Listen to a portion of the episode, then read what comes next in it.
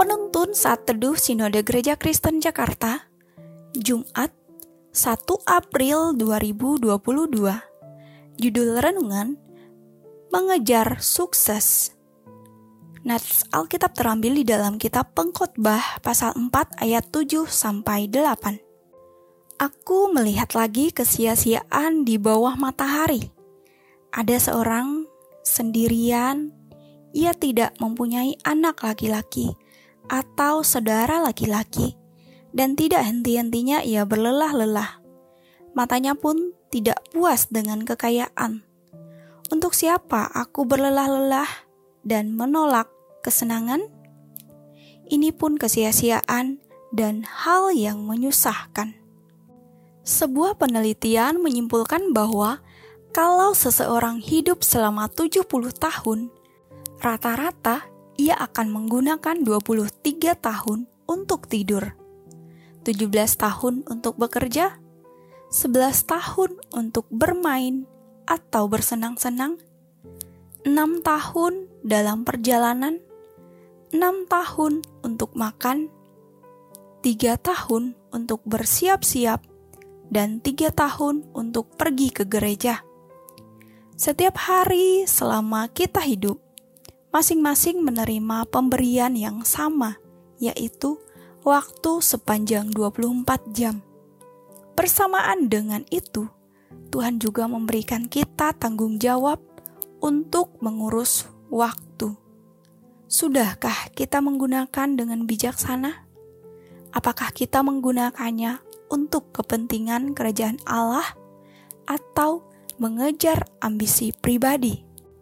Setelah sekian tahun memerintah dan menjalani pahit manisnya kehidupan, Raja Salomo menyimpulkan salah satu pengamatannya yang menunjukkan betapa ia semakin arif memahami perjalanan hidup manusia. Ia menuliskan, "Aku melihat lagi kesia-siaan di bawah matahari." ada seorang sendirian, ia tidak mempunyai anak laki-laki atau saudara laki-laki, dan tidak berhenti-hentinya ia berlelah-lelah. Matanya pun tidak puas dengan kekayaan. Untuk siapa aku berlelah-lelah dan menolak kesenangan?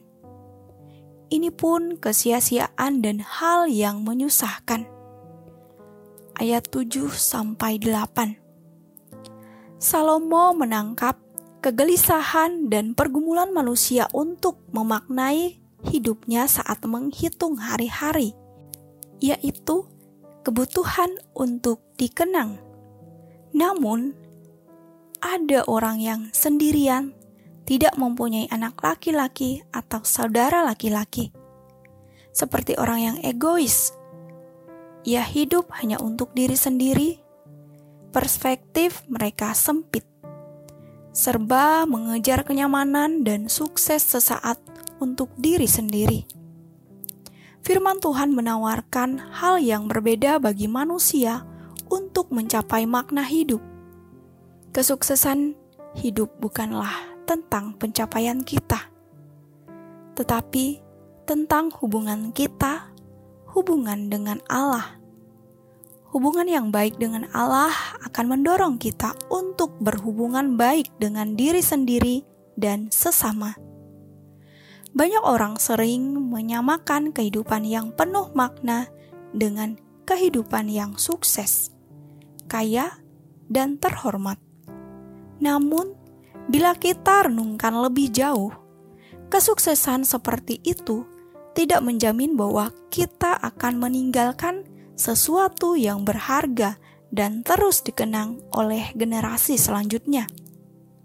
Bahkan, kalau hidup hanya mengejar sukses, kita akan menjadi sangat frustasi. Kesuksesan yang baik bukanlah soal keberhasilan diri sendiri, namun soal hubungan dengan Tuhan, memuliakannya, dan mengasihi sesama. Makna hidup yang sejati Kesuksesan hidup bukanlah tentang pencapaian pribadi, tetapi tentang hubungan dengan Tuhan setiap hari. Amin. Terima kasih, Tuhan Yesus memberkati.